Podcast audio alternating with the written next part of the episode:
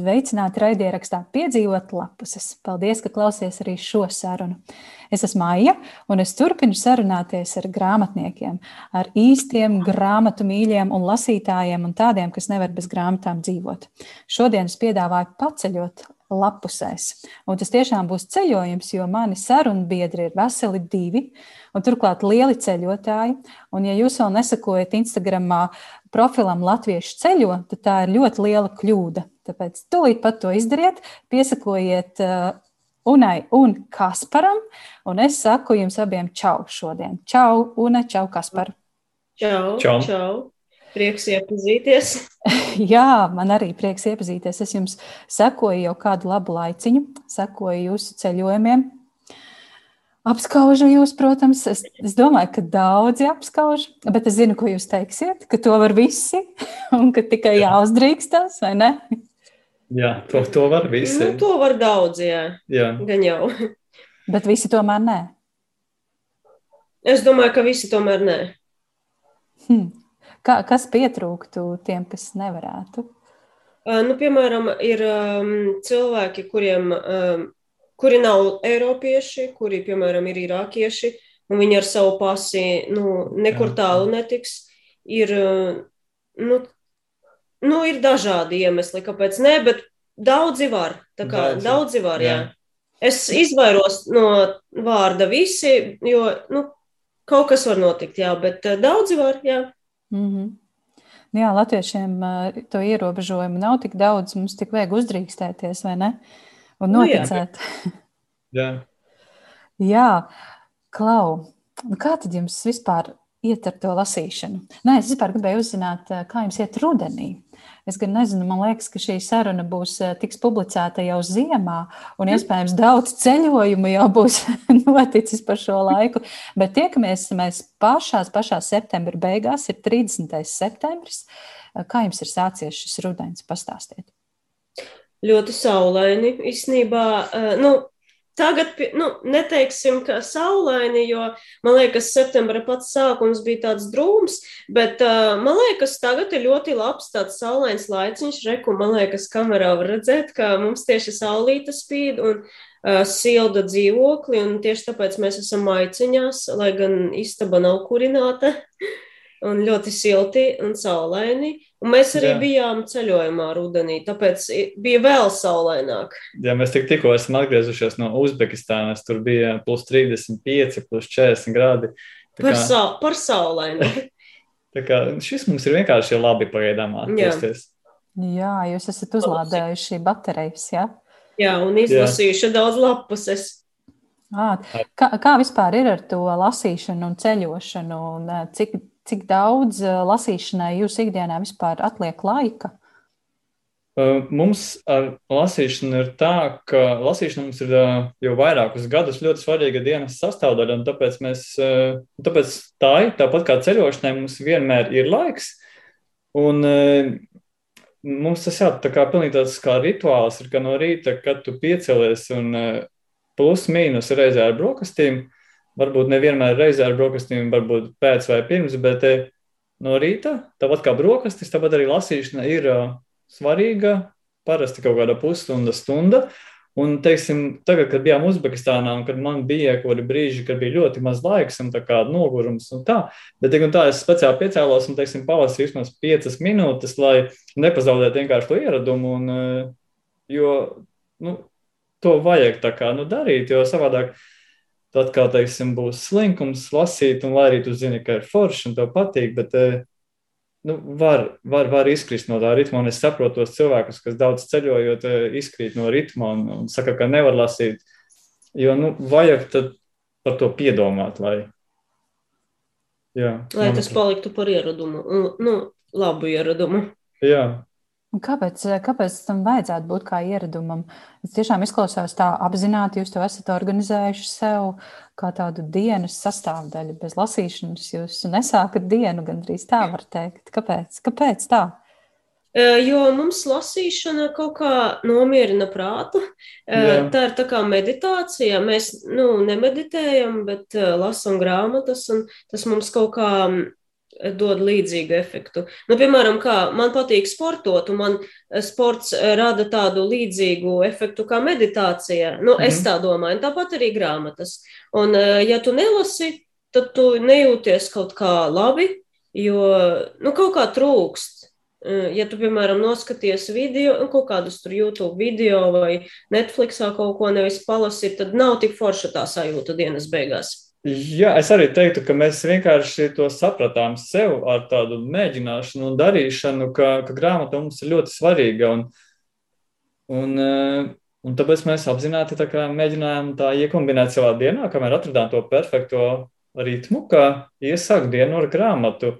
Bieži vien mēs lasām arī pa dienas vidu vai vakarā, bet eh, rīts ir tas, kas obligāti ir. Un, kā, jā, cenšamies arī to vienkārši uzturēt. Jo, Jo, jo mēs zinām, ka tā ir labi. Tieši tāpat kā teiksim, mēs zinām, ka piecelties agrāk ir labi mums.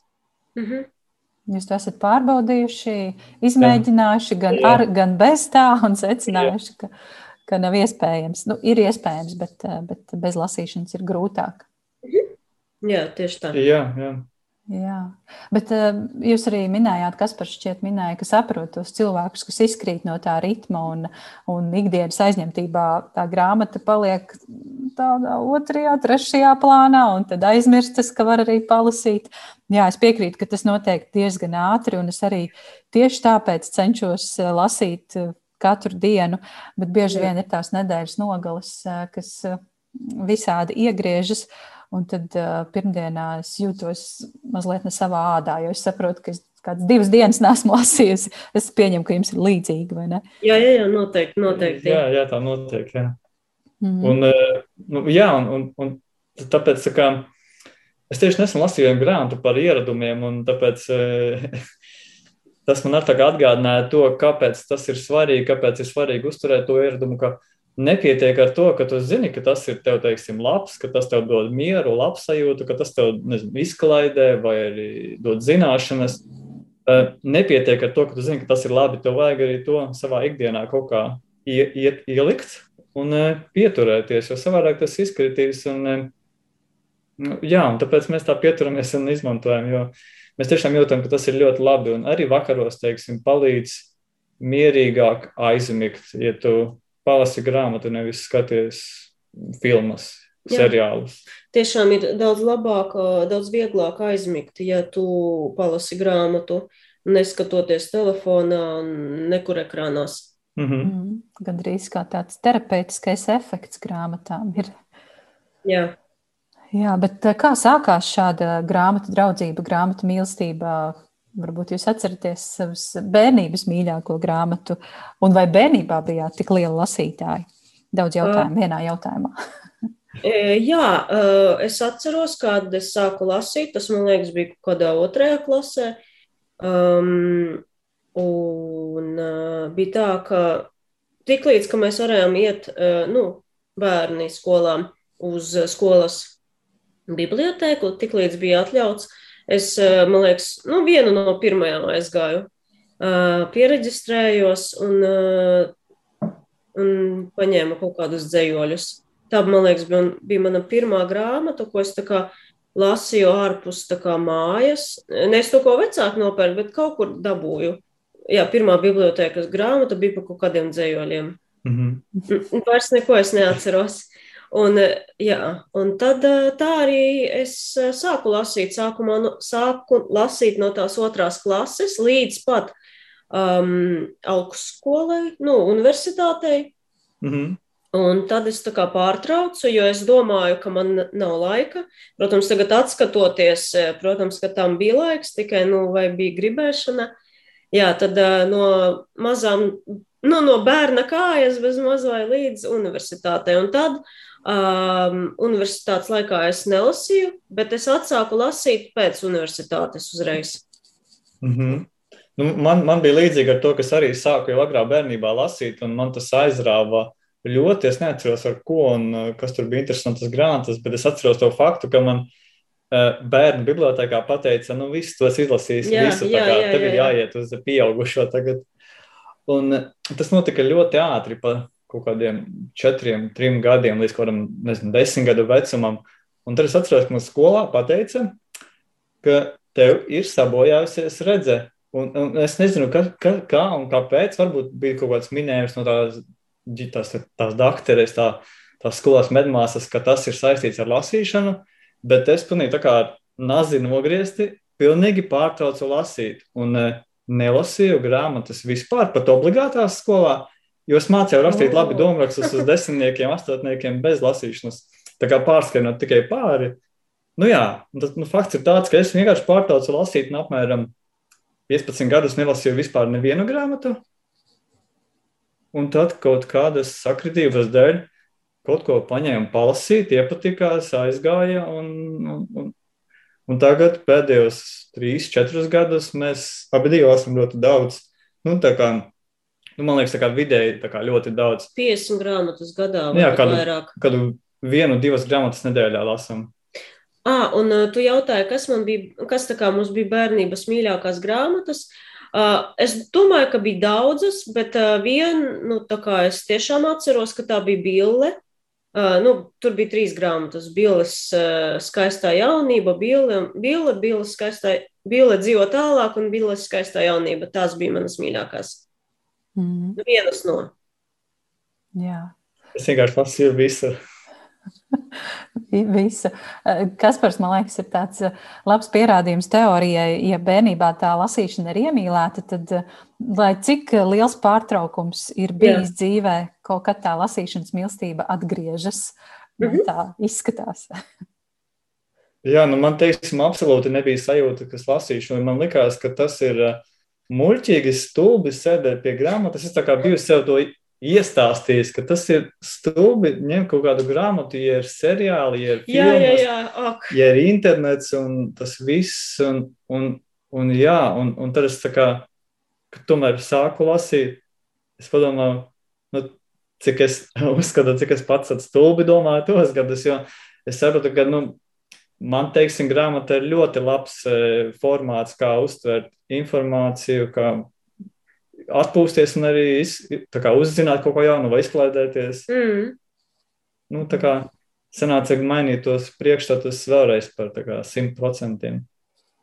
Interesanti. Nu, tu atceries, kas bija tā grāmata, kas atvēra atkal to lasīš, lasīšanas prieku? Uh, iespējams, es, es tā kā, nu, tā kā nu, es, es zinu, ka bija kaut kādas grāmatas, ko, ar ko tā kā tā lēnītēm atsākās tā lasīšana, bet kas tā pa īstam iestūma to prieku, kas tā kā nu, tiešām iestartēja pa īstam, bija, manuprāt, Ilonas Balodes e, grāmata par stopēšanu no Rīgas uz mm. Pekinu. Pekin, jā, jā viena no tādām vienkārši nozīmīgām grāmatām mūsu, mūsu lasīšanas pieredzē un vienkārši dzīvē. Uh, nu jā, tā grāmata man interesēja lasīt par ceļošanu, par ceļojumiem, par pasauli. Tā var teikt, jā. Un tad eh, pēc tā tad viss aizgāja tādā ātrākā tempā. Tad jau gribējās bišķi vairāk lasīt kaut ko jau savādāk un pamēģināt citus stilus. Un tas aizgāja. Mm -hmm. Nu, skaists, skaists stāsts. Gan arī neticams, bet, bet lielisks tieši tāpēc. bet kā jums liekas, ar ko tās grāmatas ir labākas par kino? Varbūt, varbūt nav. Labāks par kino, par seriāliem, par, par video skatīšanos? Nu, man grāmata vairāk patīk par seriālu un filmu, tāpēc, ka tā ir garāka. Un tas, tas tā bauda ir bauda izstiepjas vienkārši. Un tu vari, tā kā, ja tu gribi iedomāties tos gal, nu, varoņus, tad tu vari iedomāties jebkādus, kādus tu tur viņus gribi iedomāties. Nezinu, tur uh, īsa brunete vai gara blondīne vai vīrietis ar noskūtu galvu. Tad, kad tu skaties filmu, tad nu, tu nevari iedomāties, tie, tie varoņi jau tur ir. Tā kā tu pats kā, mm. vari iedomāties visu to ainu, un, jā, un tev kā, tas iz, nu, arī tā kā tu sāc domāt, uh, backgroundā, kad tu lasi, tu to neapzinies, bet tu arī domā, iztēlojies un arī tā kā, um, nezinu, varbūt uh, grāmata vairāk izraisa to domāšanu, jo viņa vienkārši ir garāka, un te ir vairāk punkti, par ko domāt. Kā, jo, es nezinu, kaut kā, kaut kā viss Droši kopā. Darbina, darbina galvu. Jā, viss vairāk, jā. kopā. Tas eh, gan tā bauda ir garāka, gan arī tas, ka tas izraisa domas. Es, un, un tas man arī liek domāt par to, ko es neesmu par to lasījis, un es nezinu, varbūt tas ir pētīts vai nē. Bet eh, man liekas, ka grāmatas, eh, tas veids, kā tā informācija nonāk pie tevis, ir daudz cilvēkam. Iespējams, tas ir Jā. Daudz cilvēkam labāks veids, jo tu tiešām to uztver. Jo tad, kad tev filmā viss vienkārši mirgo, viens kadrs, mm. -hmm. nākamais kadrs, nākamā aina, nākamais kaut kāds wow efekts, kas Nu, jo filmu veido, lai tevi noturētu pie ekrāna tās divas stundas vai tās 40 minūtes seriālā, bet, mm. -hmm. bet grāmatā tas viss ir daudz tādā, nu jā, nu, cilvēkam uztveramākā formātā. Tāpēc vairāk ir tas, kas arī paliks tev droši vien galvā. Man ir cilvēkiem, cilvēki, kuriem ir fotogrāfiskā atmiņa, un ja viņš redz uzdrukātu šis cilvēks, tad iespējams viņš pat labāk to atcerēsies. Jo skatoties filmu, šis cilvēks, nu, viņam, man liekas, nedarbosies tā fotogrāfiskā atmiņa. Man tā liekas. Bet, jā, es- vienkārši savādāk. Jā. Jā, es, eh, es varu padalīties ar savām sajūtām. Un, Jā. un arī tā, ka es varu lasīt uh, skarbus stāstus, emocionālus stāstus. Man patīk raudāt, lasot, ļoti patīk. Bet filmas, vismaz es esmu to sajūtis pēdējā laikā, es negribu skatīties tādas filmas, kur man būs jāraud, kur būs grūti, kur būs smagi. Un es, eh, es nezinu, varbūt tas ir arī saistīts ar to uztveri, kā tas iedarbojas uz mūsu smadzenēm. Jo tad, kad mēs lasām, mēs tomēr mazliet kaut kā varam nokontrolēt varbūt sevi. Bet tad, kad mums nāk tas vizuālais blāķis, kas ir filmā vai Jā. seriālā, tas nāk vienkārši virsū, un mēs nekur nevaram. Mēs varam, varam vienīgi pauzi nospiest tajā visā. Un, un viss. Jā, un, un vēl ņemot vērā, ka filmas tomēr uh, tiek apzināti veidotas ar to mērķi, lai tevi šokētu, pārsteigtu, nu, noturētu uzmanību un uh, nezinu, riebumu izraisītu. Nu, tā kā visas tās emocijas, lai radītu. Un, mm Mhm. -hmm. Nu, jā, tas tāds vienkārši savādāks pasniegšanas veids. Jā. Un, Mm. Es teiktu, ka, nu, protams, ka var skatīties filmas un seriālus, ja gribās skatīties. Vienkārši uh, grāmata ir arī ļoti foršs veids, un uh, kā mēs saprotam sev, tas Mhm. mums ir pat labāks veids. Kā, pat, jā, nu, es nezinu, teiksim, varbūt izklaidēji, uh, izklaidēji, izk... nu, ne, ir dažādi tie, varbūt tie pielietojumi un, um, un lietas, kam arī, teiksim, tas video vai, vai nu jā, video ir labāks. Teiksim, man patīk skatīties izglītojušas video, kur ļoti īsā laikā pastāsta kaut kādus faktus. Tur nav tās šokēšanas, tur nav tās, tās biedēšanas, un tad tu vienkārši apgūsti faktus. Un tas liekas ļoti labs un efektīvs veids, un smadzenes saprot. Cik jā, tādas- patīk arī vienkārši nostīties kaut ko par ceļošanu, kaut kādus video vai filmu, kaut ko tādu jauku. Mm. Nu jā, tas ir da- divi, da, divi dažādi tie veidi, un katram savi pielietojumi. Nu jā. Mēs katrā ziņā negribam dalīt ci- cilvēkus vai pretnostatīt Jā. kaut ko, vai pateikt, ka kaut kas ir daudz labāks vai ka kaut kas ir sliktāks. Bet jā, mēs, mēs mīlam grāmatas vienkārši. Es, Jā. eh, tas, ko es gribēju prasīt, ir, eh, kā jūs izvēlaties, ko lasīt. Jo jūs eh, regulāri dalāties ar savām atsauksmēm, tādām, tādiem īsiem aprakstiņiem, ko jūs esat izlasījuši, ieliekat tur zvaigznes.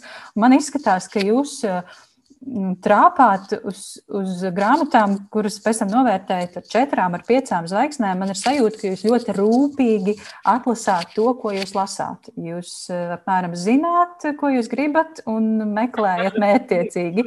Vai tas tā ir? Varbūt eh, man vienkārši tāds priekšstats radies, bet, bet kā ir patiesībā? Tā ir īstenībā.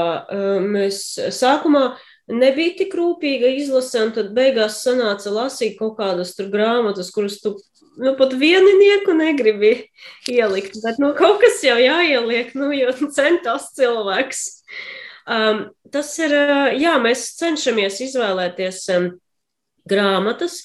Uh, pēdējā laikā cenšamies izvēlēties tādas grāmatas, kas mums potenciāli ļoti patiks.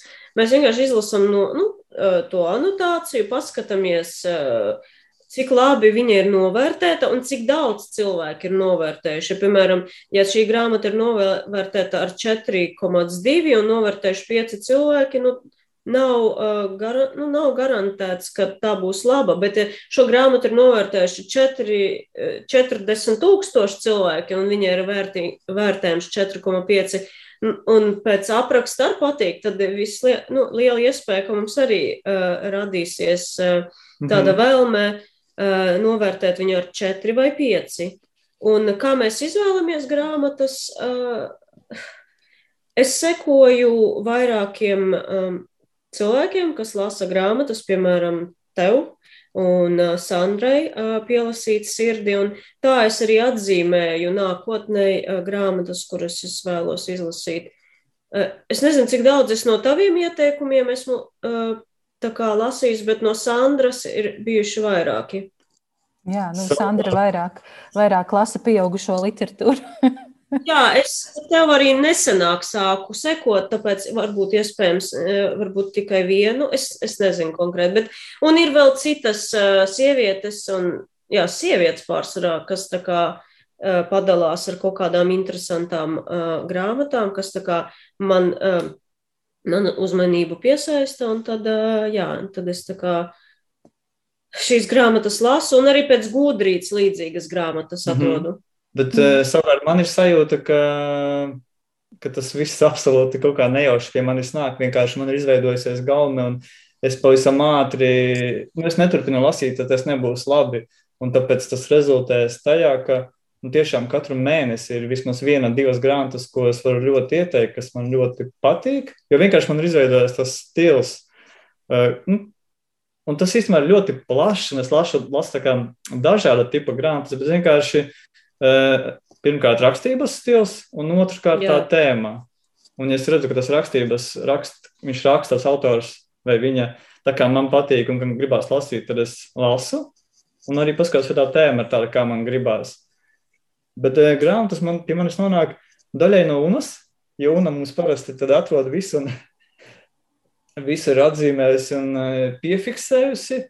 Bet, jā, un, teiksim, mēs tagad bijām ceļojumā nepārāk sen arī Ņujorkā iegājām grāmatu veikalā, lietotu grāmatu veikalā, un mēs bijām, oh, mums vispār neko citu šodien nevajag. Mēs varētu vienkārši to veikalu Jā. izstaigāt. Milzīgs veikals un cenas 1, 2, 3 dolāri. Jā, un mēs, mēs ejam, un labas grāmatas. Un mēs ejam vienkārši un, un skenējam visas pēc kārtas, skatāmies gudrītas, kāds ir vērtējums un uh, ņemam labās. Un, un tās labās bieži, bieži vien arī ir labas, bet uh, man ir arī grāmatas, ko es izlasu, kurām vispār eh, nav nekādu reitingu, nekur, nekādu, nu, tā kā, kuras it kā ir nezināmas un maz populāras, bet nu, tā kā man tas stils, kas man patīk, tad es tā kā uh, lasu, saprotu, būs laba un lasu, un sanāk arī nejauši tādā veidā. Nu, tas tā kā arī no tām nejauši atrastajām sanāk, nepopulārajām sanāk atrast tādas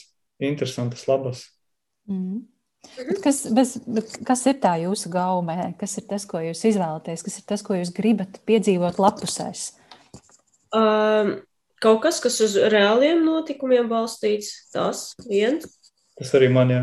Jā, uh, kaut kas par valsti, uh, piemēram, tas var būt arī izdomāts, piemēram, šī ir forša grāmata. Ah, nē, vai šī, šī bija laikam uz reāliem faktiem balstīta? Man liekas, ka daļai ir reāla. Nu, vai arī vienkārši grāmata, tā var būt pa pusēji, tā kā, piemēram, šantarāms. Tur arī nav skaidrs, vai tas ir izdomāts, vai tur kaut kāda daļa ir taisnības. Vienkārši grāmata par valsti konkrētu, par Indiju šajā gadījumā, kur uh, ir aprakstītas cilvēku dzīves un uh, vairāku cilvēku dzīves, un kā tas viss kopā savienojas, un kur tu arī uzzini kaut ko jaunu par valsti, un par tradīcijām, par cilvēkiem, kaut kādas tādas. Bet es teiktu, ka mums neinteresē vairs tādas tradicionālas ceļojumu grāmatas. Jā. Mēs sākumā lasījām daudz, bet tad mēs sapratām, ka tas mums īsti neinteresē un ka mums daudz vairāk interesē vienkārši cilvēku dzīves stāsti, vai tas ir nu viena cilvēka, vai tas ir kādas ģimenes, vai kaut kādas, varbūt pat tautas, tas stāsts, kas notiek kādā vietā. mēs sapratām, ka mums daudz vairāk interesē nevis tā cilvēka, kurš varbūt tur ceļo cauri atziņas par, nezinu, Eifeļa torni vai par e, graustu rajonu Indijā, bet drīzāk tā cilvēka, kas dzīvo tajā graustu rajonā, viņa ikdiena. Jo tas nozīmē, ka mēs, e, kad būsim tajā vietā paši, kad būsim Indijā vai, vai Pakistānā, mēs redzēsim to cilvēku, mēs vienkārši savādāk jau uztversim. Mums būs jau savādāks tas redzējums uz to vietu. Jā. Tas ir viens par tiem cilvēkiem. Jā, reku ir šī grāmata, bet es vairs neatceros, vai tā bija balstīta uz īstiem notikumiem vai ne, bet uh, saucas ir Dominiks Lapierre, uh, The City of Joy, un tā ir par Indiju, par, uh, um, par vīrieti no um, Eiropas. Ah, man liekas, jā, nu, tur vienkārši no rietumiem atbrauc cilvēks, uh, dzīvot uh, Indijas Kolkatas slamos, un viņš uh, kā, piedalās uh, viņu ārstēšanā, dzīvē, kā, piedalās viņu dzīvē, viņš palīdz ierīkot slimnīcas, viņš vienkārši sadraudzējas ar tiem cilvēkiem, viņš mēģina palīdzēt, dabūt kaut, kādas, kaut kādu palīdzību no uh, governmenta, un tad uh, viss tā baigi interesanti. Tur ir uh, arī stāsts gan no viņa skatu punkta, gan no nabadzīgo fermeru skatu punkta. Un tie nabadzīgie fermeri atbrauc uz to pašu slāmu, un viņi satiekas ar to Eiropieti, un tas ir ļoti interesanti. Mm -hmm. Ot, kā es paturpināšu vēl uh, par tiem cilvēkiem. Es nezinu, vai tas īstenībā pat veidojas par kaut kādu loģisku virzienu, ko mēs lasām. Mēs abi lasām par to. Uh, jo tie stāsti par tiem cilvēkiem, viņi ir ļoti dažādās tajās vidēs, gan, teiksim, par tādām, gan, gan, gan teiksim, tādas ikdienišķas vienkāršas, tā kā tādi dzīves stāsti, nu, saukšanas par vienkāršie dzīves stāsti, bet vienlīdzīgi mums patīk arī tādi tā kā skumjie dzīves stāsti, kas ir saistīti ar koncentrācijas nometnēm mm -hmm. Vācijā, Tā ir tāda plaša tēma. Tā ir plaša tēma, kad, kas ir daudz lasīta. Ir izsūtīšana PSRS laikā. Mm -hmm. Tad es esmu ļoti daudz lasījis par e, Otro pasaules karu Āzijā, kas notika Japāņu okupācijas laikā dažādās valstīs, no Jā. Indonēzijas mazajām salām līdz e, Birmai un e, Singapūrai. Un, jā, tā kā mēs lasām gan vienkāršus cilvēku stāstus, gan skarbākus cilvēku stāstus mums interesē tā vide ļoti un tie notikumi. Tad ir uh, otra kategorija, es teiktu, tādas gudrās grāmatas, no sapiens, piemēram, un reku, es pašlaik lasu otro daļu, Homodeus, un tad ir vēl trešā daļa, bet es viņu vēl neesmu iesākusi, Kaspars viņu lasīja.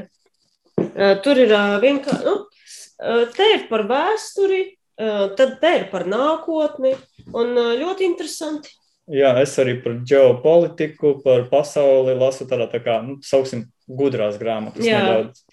Vai, piemēram, bija tāds, uh, es vēl neesmu viņu lasījis, bet uh, tu esi. Uh, tā bija tā kā The Subtle Art of Not Giving a Fuck, kaut kas tam līdzīgs, nu, kaut, kaut kas līdzīgs arī. Sauksim to par pašizaugsmi. Jā, vai iedvesmojošās grāmatas. Jā, nu, Tad, jā, tad ir cilvēku stāsts, tad ir uh, gudrās, gudrās grāmatas, tad ir uh, iedvesmojošās un pašizaugsme, kas ir mums ļoti populāras tēmas. Un, un, un tas apmēram būtu tāds kā galvenais, uh mhm. -huh. bet tas uh, mainās regulāri. Teiksim, ir kāds brīdis, kad es biju ļoti iekritis tos austrumos, un tur es lasīju visu, ko gan tādas tā kā ģeopolitiku, tādā nu, uh mhm. -huh. nopietnākā līmenī, gan uh, Osama Bin Ladena dzīves stāstu, gan grāmatu par Talibanu, gan eh, kaut kādu populāru, populāru grāmatas, kā, kas tur puķu ķērājas. Jā, tas bija labi. Mēs iekrītam kaut kādās tēmās reizēm. Tad, jā, eh, tas pats bija ar koncentrācijas nometnē. Jā, jā mēs, mēs, mēs tā kā jokojamies, ka mēs esam iekrituši tie gulaga klasikas. Tā arī saucās gulaga klasika. Jā. Nu, Nevis par koncentrācijas nometnēm, bet gulaga klasika tā arī saucās, man liekas, kaut kādas grāmatas. Tas ir galvenais. Un tā kā man viss šis apnīk, tad es eh, kādus romānus arī izlasu. Jo, piemēram, tagad, eh, kā es sapratu, ka varbūt ir kaut kas eh, jaukāks jāpaņem, jāpalasa, jo es naktī vienu, vienā naktī murgoju par mm, Černobiļus katastrofu. Nu, tā kā par kaut kādu atomu katastrofu. Un tad uh, es tiešām skraidīju panikā, mērīju visur to, nu, sapnī, skraidīju panikā, mērīju visu, visur to radiācijas līmeni, li, li, liku pie visām uh, mantām un skapiem un sienām un pie cilvēkiem. Un tad cilvēki tur vēma un slimoja, un es pamodos, un tas bija tik reāls sapnis, un es sapratu, ka varbūt tās jābeidz lasīt viss šis Ir, ir uh, grāmatniekiem ik pa laikam vajag starpgrāmatu. Tas tāds atsevišķs žanrs, starpgrāmata, kad palasa kaut vieglāku, vienkāršāku. Jā, tā es arī tiku izlasīta ļoti populārās Karīnas Račko grāmatas, jo man vajadzēja starpgrāmatu, un tad es izlasīju internetā, ka oh, visi diskutē par šo grāmatu, un tad man arī aizlasa. Tagad tev arī ir viedoklis, vai ne? Beidzot, jo tu esi izlasījusi. Nu, grāmata kā grāmata. Nekas tur tāds nav. Man ļoti patika tas, kā jūs stāstījāt par šiem cilvēku stāstiem, un kā ir mainījies jūsu redzējums vai, vai tā izvēle, kurus stāstus jūs lasāt. Un tas izklausījās, ka tas iet roku rokā arī ar jūsu kā ceļotāju evolūciju. Jūs sākumā bijāt varbūt netik drosmīgi, es tā pieņemu. Un, un tad bija svarīgi paskatīties, ko raksta citi ceļotāji. Un tagad jums ir svarīgi pašiem piedzīvot uh, to zemi, kur jūs dodaties. Tas, tas ir tas ļoti interesanti. Jā, jā droši vien tā, tā ir. Mēs, tā var piekrist, jā. Tā kā mēs arī, nu, kā teikt, veidojam saturu, nu, rakstām rakstus, taisām video, taisām foto un, uh, stāstām par ceļojumiem, tad jā, es atceros, ka mēs paši sākumā darījām to, ko, nu, kas šobrīd liktos, kā, nu, nē, nu, nevajag tā, teiksim, nezinu, jutāmies, ka esam visi zinoši, tad, kad esam bijuši kādā vietā tikai nedēļu vai divas mm -hmm. bijuši, un, un tad tu painteresējies vairāk, aizbrauc piekto reizi uz to vietu vai to valsti, izlasi grāmatas, un tu, nu, pilnīgi tā kā savādāka sajūta, un tu saproti, ka, nu, nu, ka tu nekad īstenībā nesapratīsi Itālijas galam, un ka vienmēr būs iespēja, ka varbūt tu domā pilnīgi nepareizi. Jā. Un, jā, nu, tas ir gan no ceļotāja evolūcijas, gan arī iegūts no grāmatām, kas ir lasītas par to, kā darbojas cilvēku prāts un kā mēs varam sev iestāstīt visu kaut ko. Un, Kā mēs varam domāt, ka kaut kas ir absolūta patiesība, un tas var būt pilnīgas muļķības arī. Un, uh, tas ir, tas ir jā, viens, teiksim, kas, ko grāmatas mums ir devušas, kad uh, tu, teikt, beidz sevi uztvert kā, nezinu, zinošu kā, kā tēmu, varbūt, ka tu nu, vienmēr pieļauj iespēju, ka tu tomēr varbūt kļūdies, un uh, tas ir, uh, es nezinu, vienkārši ļoti tāda, man tā ļoti laba, laba sajūta. Man, man patīk, ka es, Cits varbūt grib eh, justies kā visgudrākais par ko, kaut ko, bet eh, man patīk tā sajūta, ka es zinu, ka, jā, es varbūt nezinu, un es eh, pajautāšu, painteresēšos. Jā. Nē, nav ko te ņemties lieki. Strīdieties ar cilvēkiem, es zinu labāk. Eh. Vai paši brauc un skatās, kā es saku. Jā. Jā, man liekas, ka nu, es, piemēram, nevarētu tā, tā droši noraksturot, kādi mēs latvieši esam. Nu, tomēr labi, tur tas eh, par to, ka Latvijas Latvijas ir mīļākais ēdiens, ok, tas ir tāds humors ar, ar zināmu devu patiesības. Jā. Bet tā, lai droši pateiktu, ka latvieši ir tādi un tādi, un jūs varat no mums sagaidīt to un to, nu, tā es nevarētu. Un kā gan es varētu to pateikt eh, no, par kādu citu tautu vai, vai paredzēt? Jā. Jā, man ir tieši tāds pašas sajūtas, jo mēs esam tādi. Mūsu draugi, starp citu, ir līdzīgi mums, bet tad kaut kādi citi cilvēki, ko es satieku, viņi ir pavisam savādāki. Un tad ir vēl tie, kuri visu laiku viens ar otru strīdas un apsaukājas, bet mēs tādi neesam. Mūsu draugi arī ne tie trešie ir kaut kādi savādāki. Nav tā. Nav, mm. nevar arī teikt, ka mēs esam latvieši skaudīgi. Uh, Nu, jā, nu tā, nu pilnīgi, nu, sliktā nozīmē. Tas, ka tur, nezinu, cilvēkam var būt skauž, ka, ka tur, nezinu, aizbraucis ceļojumā, bet viņš pašlaik netiek, nu, tas ir ok. Bet, nu, tā kā, ka ļoti, nu, tiešām negatīvā nozīmē, ka mēs esam skaudīgi. Nu, es nezinu, vai tā mēs esam. Mēs, man liekas, mēs esam ļoti labi cilvēki. Kāds var būt? Īstenībā, arī nevar noraksturot tiešām. Ar, ar to labumu arī ir tā, nu, atkarīgs, ko tu skaties un ko tu meklē, un to arī tu sāc ievērot. Un, um, jā, nu, ja, ja tu meklē slikto, tu vari atrast slikto vienmēr un visur, un ja tu atkal uh, kā, skaties savādāk uz lietām, tad ir kā, nu, pilnīgi cits, ko tu redzi un ko tu piedzīvo. Un tā ir ar valstīm, tā ir mm, ar tām citām vietām. Ja tu brauc un tu domā, nu, te gan mani apčakarēs, un te, te viss būs slikti, un te būs baigā miskasti. Mm. Un, nu, tad tu arī atrodi to slikto miskasti. Un, jā, jā, jā, jā. Un mēs, teiksim, aizbraucām uz uh, Indiju, nezinot neko, un izrādījās, ka oh, šeit ir skaisti, šeit ir interesanti, un šeit jā. ir labi cilvēki. Un... Mm. Bet mūs tur biedē, ka tur kaut kādi līķi peldās tur un visās ūdens tilpnēs, un tur viss pūst, visi cilvēki nomiruši, tur mētājas muļķības. Tas man īstenībā ļoti patīk, profilā latvieši ceļo un, eh, un jūsu jā, saturā, ko jūs veidojat, ar kādu pozitīvismu jūs to visu darāt un ar kādu pozitīvismu jūs uztverat visu, kas notiek. Un eh, reizēm es skatos un domāju, ak, Dievs, kas notiek, kur jūs esat iekūlušies kaut, kādos, kaut kādās kalnu takās un kaut kādos bezceļos. Viss lieliski, viss ir lieliski, un kaut kā beigās jūs tiekat uh, visam cauri, un viss notiek. Tas ir brīnišķīgi. Starp citu, mēs pavisam nesen ar vienu meiteni runājām. Viņa arī man teica, kā, ka nu, apbrīnoju, kā tu vari kas par tā visu laiku tā pozitīvi par visu izturēties. Es viņai pateicu, ka es to sev sapratu pirms kaut kādiem gadiem, trim, četriem. Es sapratu, ka jo es vairāk skatos uz to kaut kādu, nezinu, pasmējos par kurām situācijām, jā. jo man pašam paliek vieglāk. vieglāk jā. un es nesaku, es īstenībā jau trīs gadus, un tā arī ir, es te, katru dienu man ceļojums ir tā kā, nu, jautri, smieklīgi. Un. Mm -hmm. Nu, jā, es arī cenšos uh, uz uh, sliktajām, nu, uz grūtībām, uz sliktajām lietām tā kā nekoncentrēties, jo, jo tu koncentrējies tik ļoti, tad tev, nu, tas kaut kā tu iesēdies. Bet, ja tu centies kaut kā, nezinu, ar joku vai vienkārši mazāk par to domāt, tad eh, kaut kā vieglāk paliek. Tu mhm. neslīgsti kaut kādā, nezinu, tajā darbā. Jūs minējāt uh, Ilonas Balodas grāmatu Rīga Pekina un minējāt, ka tā ir jums diezgan svarīga grāmata, un es gribu dzirdēt to stāstu. Lūdzu, pastāstiet sīkāk, kāpēc un, un kas tur ir apakšā tam visam.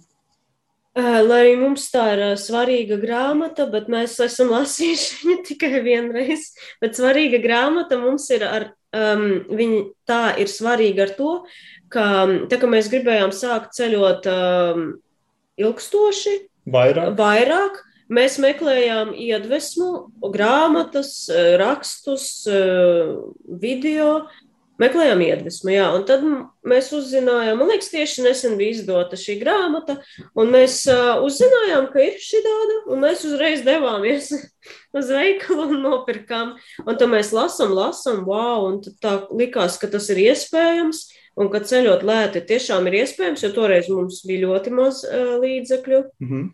uh, Mēs tas... vienkārši nebijām iekrājuši, tāpēc mums bija maz līdzekļu ceļojumam, bet mēs bijām izdomājuši, ka mums vajag. Un tad mēs vienkārši smēlāmies iedvesmu no šīs grāmatas, kur ir lieliski aprakstīts, mm -hmm. kā tu vari ceļot ar mazu budžetu. Es, es varu to salikt tā, nu, pa tādiem punktiem, kāds notika. Mēs aizbraucām pašā, pašā pirmajā ceļojumā, un, un uzreiz sapratām, esot Portugālē, ka mums gribās vairāk. Tāpēc, braucot mājās uz Rīgu, mēs jau sarunājām, pēc gada mēs brauksim kaut kur, bet mēs nezinājām, kur un kā. Jo mums likās, ka nu, droši vien, ka mēs nebrauksim ceļot, ceļot, bet nu, brauksim kā citi kaut kur pastrādāt, un jā, varbūt tad dzīvot, paceļot jā. tur, nu, nezinu, no Anglijas vai no Norvēģijas, nu, kā, kā jau latvieši darīja. Mm -hmm. Bet tur mēs uzzinājām par šo grāmatu, kas bija tikko iznākusi. Mēs izlasījām, un mēs sapratām, ka, bet šitā arī var, var tā kā pa ļoti mazu naudu. Ja Priekš kam strādāt, jau jā. nestrādāt. jā, un eh, tas bija tāds ļoti, ļoti nozīmīgs eh, tāda informācija, jo tobrīd latviešu tādu ilgtermiņa ceļotāju nebija. 2013. gads, nu, noteikti, ka bija 12. 2012. gads pirms desmit gadiem. Bet viņi bija ļoti, ļoti mazi. Un es īstenībā jutos, ka, ka es zinu viņus visus, tur tos četrus blogus un to, to vienu cilvēku, kurš tikai tajā avīzē ir publicēts. Un tāpēc, jā, atrast tā tādu milzīgu grāmatu, tādu informācijas blāķi latviešu par to. Bija wow. Tas jā, bija wow, un mēs saņēmāmies un uh, izdarījām kaut ko ļoti līdzīgu aptuveni pēc uh, 13 mēnešiem. Mēs aizbraucām prom uz Indiju ar velosipēdiem pagājušā. Nu, tas nebija līdzīgs, bet uh, koncepts bija līdzīgs kā ar mazu naudu. Un nu, jā, jā. tā kā pašu spēkiem viņi, man liekas, stopēja, tā kā, nu, pašu spēkiem. Jā, jā, jā. Nevis tur maksājot uh, lidojot, braucot ar autobusu, bet pašu spēkiem. Tā kā mēs ar riteni, ar mazu naudu.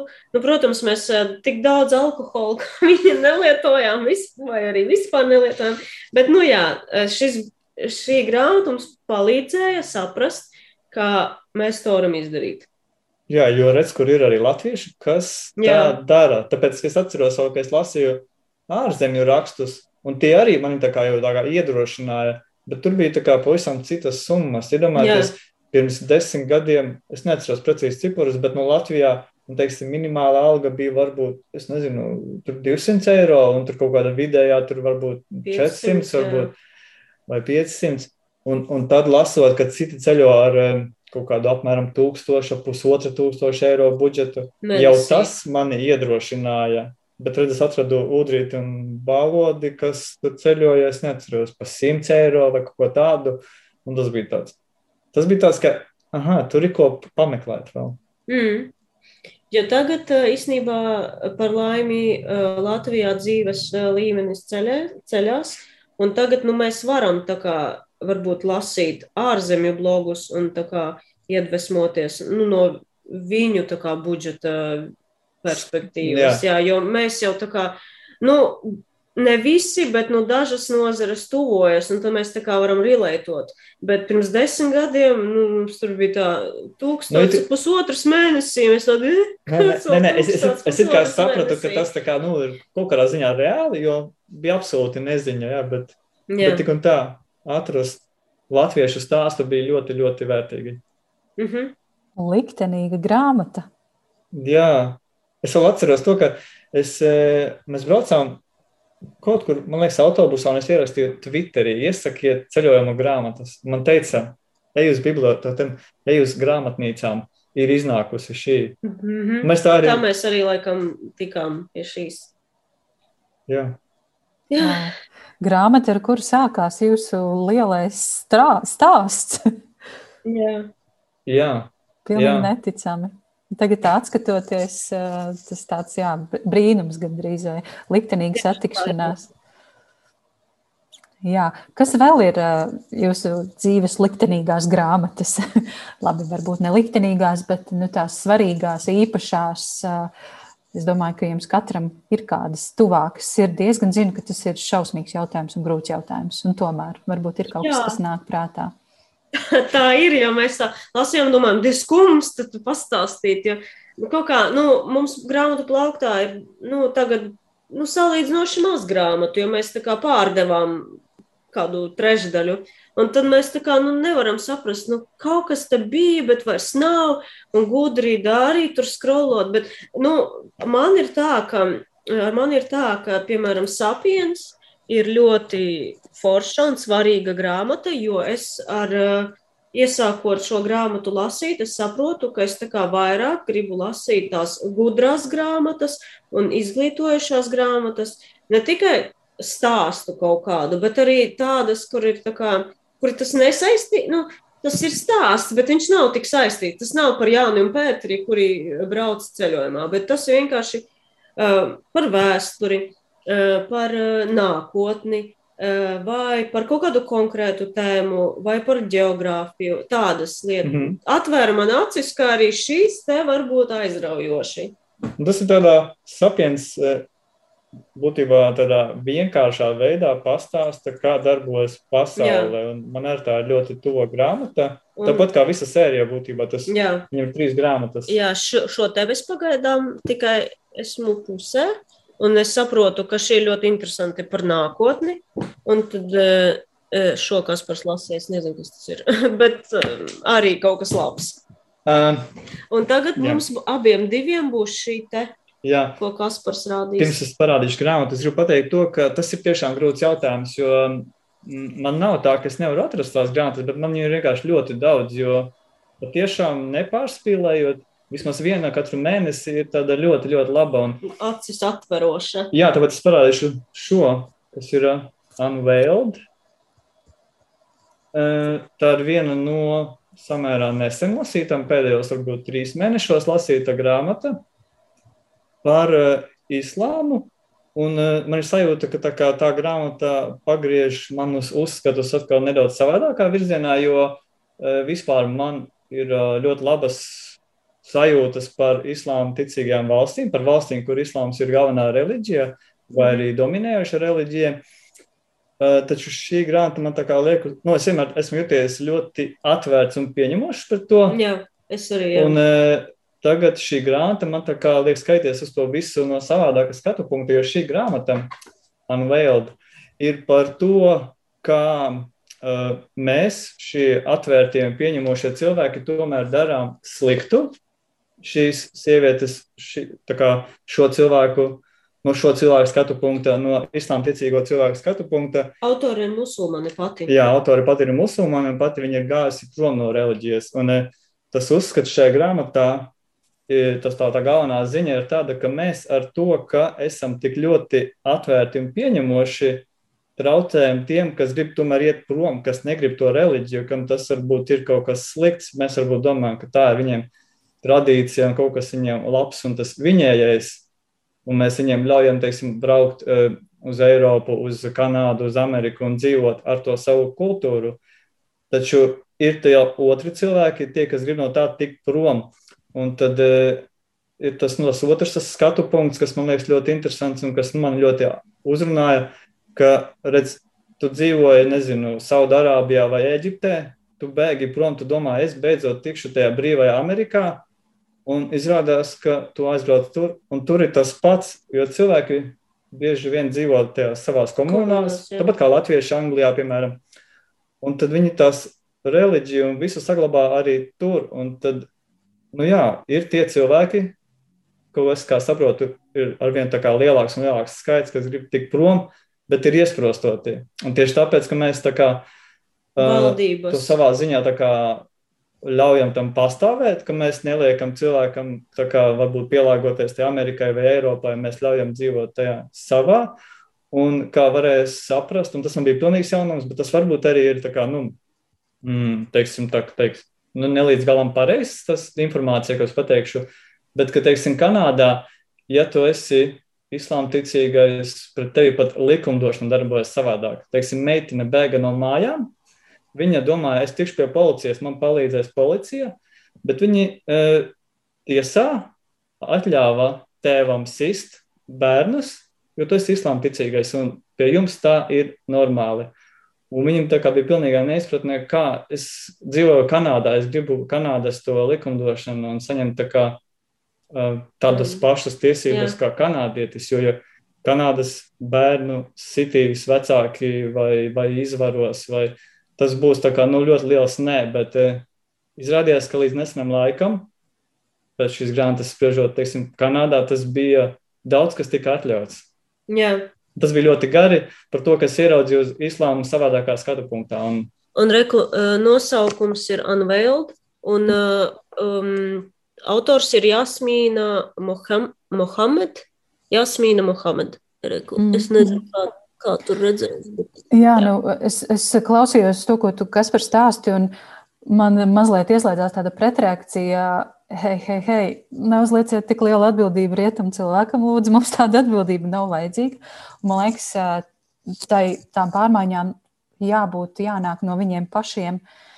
Un tas, kas tagad notiek ā, Irānā, vai ne? Jā. Kur, kur cilvēki, kur sievietes dedzina šo, šos te, šīs te galvas sagas, es nezinu pareizo nosaukumu, es atvainojos. Bet tām pārmaiņām tomēr ir jānāk no viņiem pašiem. Rietumu cilvēks, es domāju, ka nav tik varants. Es, es protams, šo, šis Kanādas piemērs bija diezgan traks. Jā. Nu, ja, tā, ja tā ir un ja tā bija, tad tas, protams, nav pareizi. Un tomēr gaidīt, ka rietumu cilvēks mainīs kaut ko. Tomēr man liekas, mēs neesam tik visvarani, kā jums liekas. Mēs baigi filozofējam jau. Vienkārši Kanādas gadījumā tā valdība nevarēja tik, es teikšu, nevar vienkārši tikt galā, jo viņi mm. tā kā arī Grib ne, būt pielaidīgi jā, un tā kā jums negrib arī, arī vēl... tā kā iedziļināties. Un, nu, manuprāt, ar to ir varbūt jānodarbojas šajā gadījumā. Kanādas gadījumā valdībai ir ar to jānodarbojas, bet parastam rietumu cilvēkam, nu, es nezinu, nu, ko mēs varam darīt. Nu, palīdzēt mēs varam, bet uh, ir no augšas kaut, kaut kam ir jāmainās.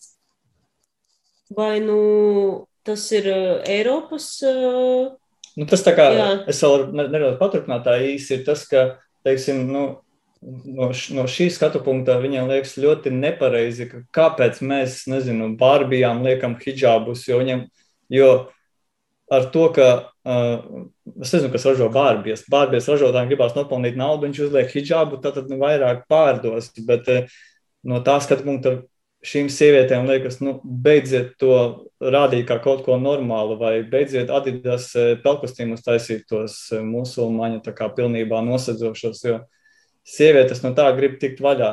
Mm. Un, tas, laikam, ir tas eh, politkorektuma posts. Mēs esam tik nenormāli politkorekti, ka tas jau ir aizgājis pilnīgi pretējā gultnē, ka tas ir kā kaitējums. Un, tā. Jā, un tāpēc atbildīgajiem cilvēkiem jādomā par to vairāk. Mm. Jā, nu redz, kā grāmatas eh, raisa diskusijas, un tas noteikti, tas vienkārši ir pierādījums, ka ir vērts lasīt eh, stāstus, dažādus stāstus, un, un atklāt to, to lauku ar vien plašāku un plašāku, nevis lasīt tikai no viena skatu punkta vai, vai, jā, jā. vai vienu redzējumu. Jā, lasīt ir lieliski. Jā. Es gribēju, vai jūs pastāstījāt par savām mīļākajām grāmatām, svarīgākajām grāmatām, varbūt ir vēl kaut, kaut kas papildināms. Um, mums bija ļoti acis atveroši par Ziemeļkoreju, par sievieti, kura izbēga no Ziemeļkorejas. Atceries nosaukumu? In, In order to live, varbūt. Jā, un... In order to live. Uh, tas bija ļoti tā, wow. Jo es, par, es vispār nezināju neko par Ziemeļkoreju. Tik, nu, es zināju, ka nu, tur viņi ir apspiesti un dzīvo savā valstī un nekur netiek ārā. Un, bet es nezināju, cik ļoti sūdīgi tur ir. Nu, ka, ta, tur tiešām cilvēki badā mirst, jo tur viņiem arī kaut tur tie bezmazliet tie paši piecu gadu plāni divos gados jāuztaisa. Kaut kas tāds tur bija, ja? Jā, bet tā, teiksim, man nav tādu grantu, ko izcelt. Es varu saukt katru mēnesi jaunu mīļāko, jo es tiešām pat nepaturu viņas prātā. Man viņas ir uh, gudrītas piefiksētas un kaut kādas atziņas, es piefiksēju atsevišķi piezīmēs. Un... Mm. Pārsvarā grāmatas sanāk tādas, kuras tu lasi un kuras tev, es teiktu, viņas tev vienkārši liek kopā to tavu bildi, to Jā. kopējo informācijas, to lauku. Mm -hmm. Teiksim, man tūs ir islāms, tad uh, tur tuvi austrumi vienā brīdī, citā brīdī tur mm -hmm. būtu islāms Indonēzijā, citā brīdī Kanādas imigrantiem islāms, un tas izsliek to kopējo bildi, to skatījumu. Un, mm jā, man nav tā kā tā Ilona Baloda bija tas e, tāds e, dzīvē nozīmīga grāmata. Tā, tad viņas mainās mums. Nu, tāpēc vien ir vērts piesakot latviešu ceļo un uh, sekot ne tikai ceļojumu stāstiem, bet arī grāmatu stāstiem. Mm. Jā. Es domāju, ka mums ir jāatrod visas tās foršās grāmatas, kuras ir novērtētas tas ar pieci un četri, un kuras redz, o, oh, šitā man ļoti patika, bet tu tā kā vairs tik ļoti neatceries, kas tur bija, un man liekas, vienkārši jālasa vēlreiz. Jo es atceros, man ļoti patika uh, rīsumāte, Bet uh, par ko viņa ir, es vairs neatceros, bet es zinu, ka ļoti patika. Un ļoti daudz es tādas grāmatas varu, nu, ja padomāju, ja pasēšu padomā, es varu pateikt, o, šitā bija forša, bet kas tur bija, vairs jau neatceros. Starp citu, Una, profilā Latviešu ceļo ir tāda sadaļa, top grāmatas, un tur ir visas tā tās top grāmatas, ko Jā, mēs bet... ar pieci esam novērtējuši. Ne visas, man liekas. Nu, tā kā nu, pēdējie oh, divi gadi apmēram. À, nu, Zoostācijas bērni, jā, tagad redzu, tā bija nu, tiešām tāda spēcīga grāmata. Es nezināju, ka bērni, nu, teikšu, bērni tik agrā bērnībā, pusauģu gados lieto narkotikas un tik ļoti, nu, tik ļoti iekšā tajā visā. Mm -hmm. Nu jā, var, nu, teiksim tāda vienkārši vēl viena grāmata. A River in Darkness grāmata par emigrāciju no Japānas uz Ziemeļkoreju. Tajos laikos, kad sadalījās Koreja uz divām Korejām, un tās atceros bija ļoti interesanta grāmata par absolūti man nezināmu tēmu, un es domāju, daudziem nezināmu tēmu, jo mēs nu, vienkārši neizsekojam līdz tiem visiem pasaules notikumiem. Un galvenā lieta bija par to, ka tā kā tā Koreja sadalījās, tad eh, Japānā tajā laikā dzīvoja ļoti daudz korejiešu. Un, eh, bet Ziemeļkorejai vajadzēja cilvēkus, vajadzēja strādniekus, vajadzēja būvēt impēriju un vajadzēja būvēt komunismu. Un tad viņiem visādiem labumiem solīja, brauciet atpakaļ uz eh, tēvzemi, taisiet tēvzemi, būvēsim tēvzemē te laimīgo pasauli, laimīgo komunistisko pasauli kopā. Atbrauc cilvēki un ko viņi saņem, tas ir tukšs. Nekā tur nav. Nekā tur nav. Viņi aizbrauc no tiem. Uh, viņiem liekas, ka ah, nu, man tās nepārāk foršs tur dzīvoklis Tokio vai, vai Kyoto. Viņš aizbrauc un iedod būdiņu meža malā. Būvēsim foršu būdiņu. Būvēsim, jā. Jā, Sandra tikko par šo grāmatu man stāstīja, un uh, tas ir vienkārši, vienkārši šausmīgi. Mēs pat, uh, nu, man liekas, ka mēs ar Sandru šo runājām, ka mēs kā latvieši uzskatām, ka Jā, mē, mums, ir, mums, ir bijuši, mums ir bijusi izsūtīšana un traģisks Jā. tas vēsturiskais, vēsturiskais fons un viss, kas ar mūsu tautu noticis. Bet tad, kad mēs sākam interesēties par to, kas ir noticis ar citām tautām, patiesībā katrā zemē ir kāda traģēdija bijusi. Jā. Un mēs neesam vienīgie. Mēs neesam vienīgie. Jā, jā. Un, un tas, ir, tas mums daļai nācis ar ceļošanu, tā atziņa. Jo ja mēs padomājam, ko mums stāstīja skolā, teiksim, vēstures stundās, tas bija, nu, ka redz, nu, mums bija slikti, tas ir nu, skaidrs. Mums stāstīja, kas notiek varbūt Eiropas tuvākajās valstīs, bet mēs, es atceros, ka es absolūti gandrīz neko nezināju pat par Bosniju, par, par Dienvidslāvijas dalīšanu. Nu, kur nu vēl par Kambodžas genocīdu vai par kaut kādām koncentrācijas nometnēm Mjanmā um, un Indonēzijas salās. Un...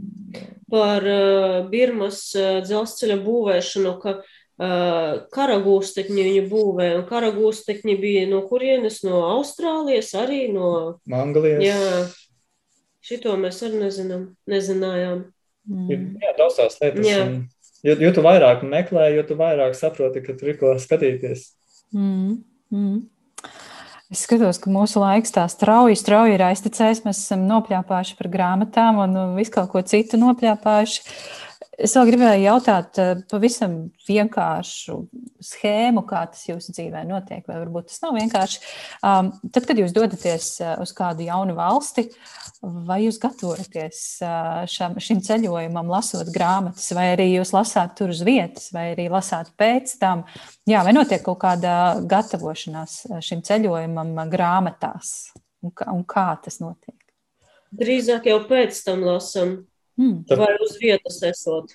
Jā, tāpēc, ka tu, kad aizbrauc, teiksim, mēs aizbraucam, nezinu, uz Taizemi vai, vai uz Pakistānu aizbrauc, un tad eh, pēc tam tev ir daudz labāka izpratne. Mm -hmm. te, tev ir uh, lasot, tu jau labāk spēj iedomāties, un tu arī labāk tā kā uztver, un tev arī vienkārši ir lielāka interese par to, kāpēc tas tā ir. Teiksim, viena tēma, kas man ir pašam savā galvā piefiksēta, mēs bijām Brazīlijā pie Argentīnas un Paragvajas robežas. Es skatījos uz to robežu un domāju, kāpēc tā robeža ir tik dīvaina, kāpēc šeit ir Argentīna. Un tas man gribās palasīt grāmatas par to tēmu, jo tur noteikti ir kaut kāds iemesls vai kaut kāds karš vai kaut kāds nu, dalīšana teritoriju, kāpēc tur iedeva tomēr Argentīnai. Jā, jo tur sanāca tāds stūri. maziņš tāds, nu, tāds uz augšu, un tu, tu skaties, domā, kāpēc tur tādam jābūt.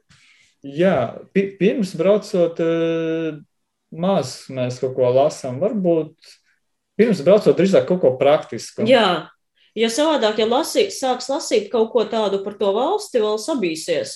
Izlasīs Lato lapas un vispār paliksim mājās.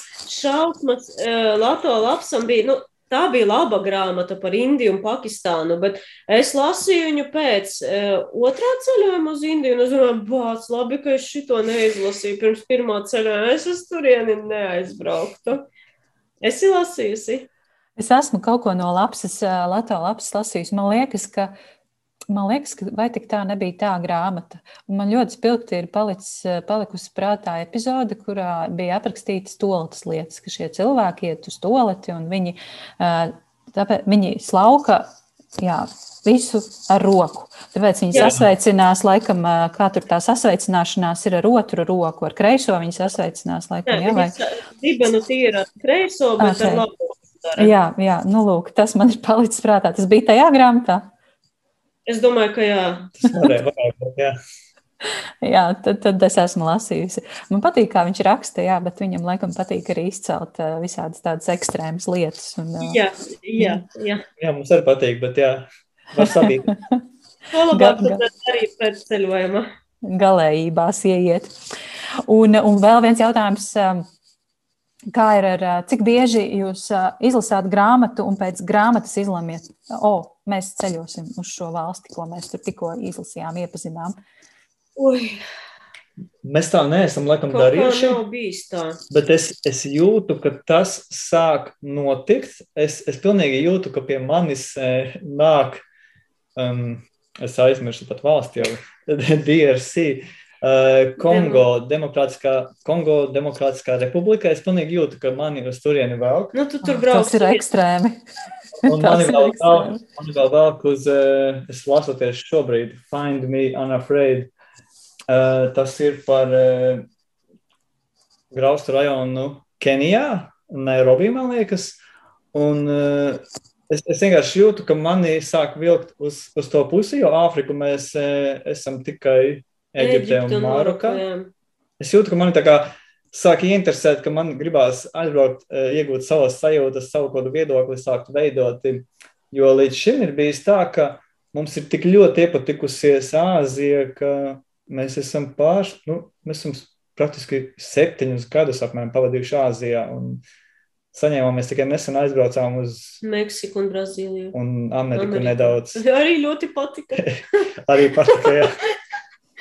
Jā, es, es teiktu tā, ka, jā, ka līdz šim mēs to neesam darījuši, bet es jūtu, ka manis sāk vilkt, manis arī sāk tā kā vilkt uz tām mm, tuvo austrumu valstīm vairāk, jo ir daudz lasīts, Uh, vienmēr ir bijusi sajūta, ka, teiksim, Irāka, Sīrija, o jā, Irāka. Irāka Sīrija, Irāna, ka tas ir kā, nu, noteikti kā bīstami, bet tā kā tagad tā pieredze Un tagad tā īsa informācija liek domāt, ka nu, tagad ka tuvojas, tuvojas tas laiks, kad jābrauc uz Irāku. Tas, Super. tas notiek ar laiku. Jā. Mums, laikam, tām parasti, parastajām valstīm tā kā neviena grāmata neaizvelk uz nezinu, uz Beļģiju. Vai... Nē, nē nu, tā kā Eiropā mēs tā kā kādreiz, nu, mēs esam ceļojuši pa Eiropu, bet, nu, tā, nu, tur tā forši, tur aizbrauc tā, nu, tā kā mājās viss.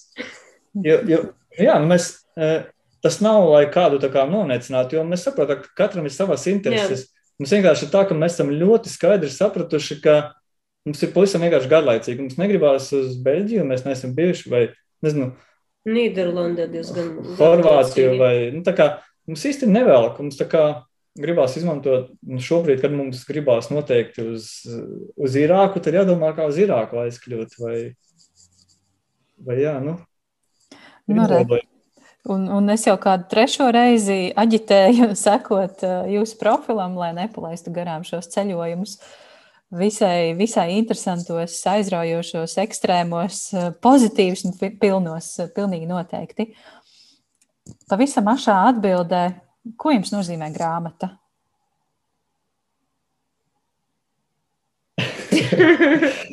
uh, Klusums arī var būt atbilde. man, man tas ir informācija. Kā, labi pavadīts laiks. Nu, tā kā man tas ir jā, informācija, tāds uzziņas avots. Meditācija.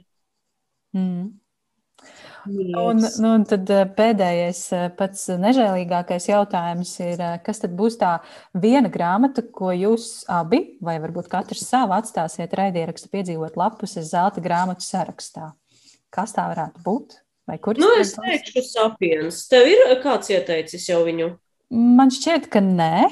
Nu, lai ir sapiens, uh, Juvals no Harārī, es nezinu, kā pareizi latviski viņu vārdu uh, latvisko, bet reku ir. Mm -hmm. Lieliski. Paldies. Kas par piekrīt? Ne, nu man sapiens patīk, bet es gribu tomēr ieteikt šo grāmatu izlasīt cilvēkiem, jo es vienkārši pats saprotu, ka tas ir nu, interesants skatu punkts, paskatīties uz Uz, islāmu jā. savādāk vēl. Tiem, kam interesē, tiem, es domāju, ļoti patiks. Jā. Tātad no Unas ir sapienci un no Kaspara Unveiled, ja? Jā. jā.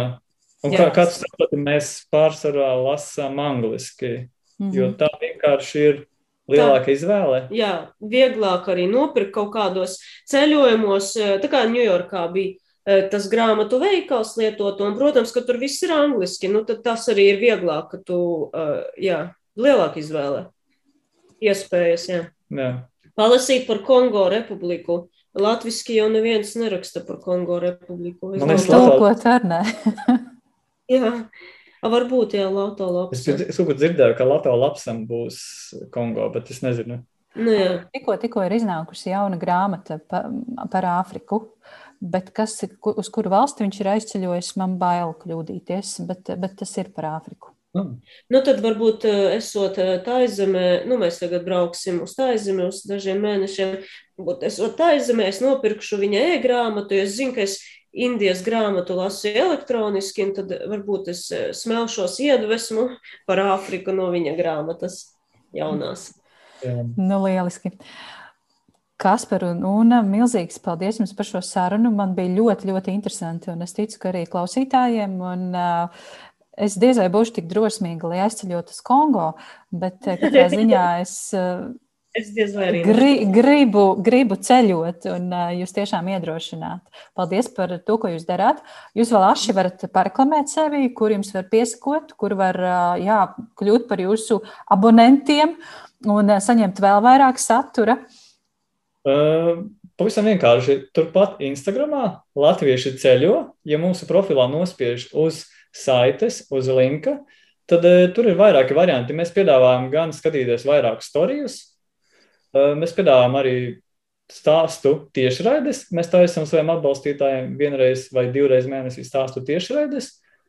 Un jā, tas viss ir atrodams profilā Latvieši ceļo, nospiežot uz linka. Tur tikai jāizvēlas, ko gribās.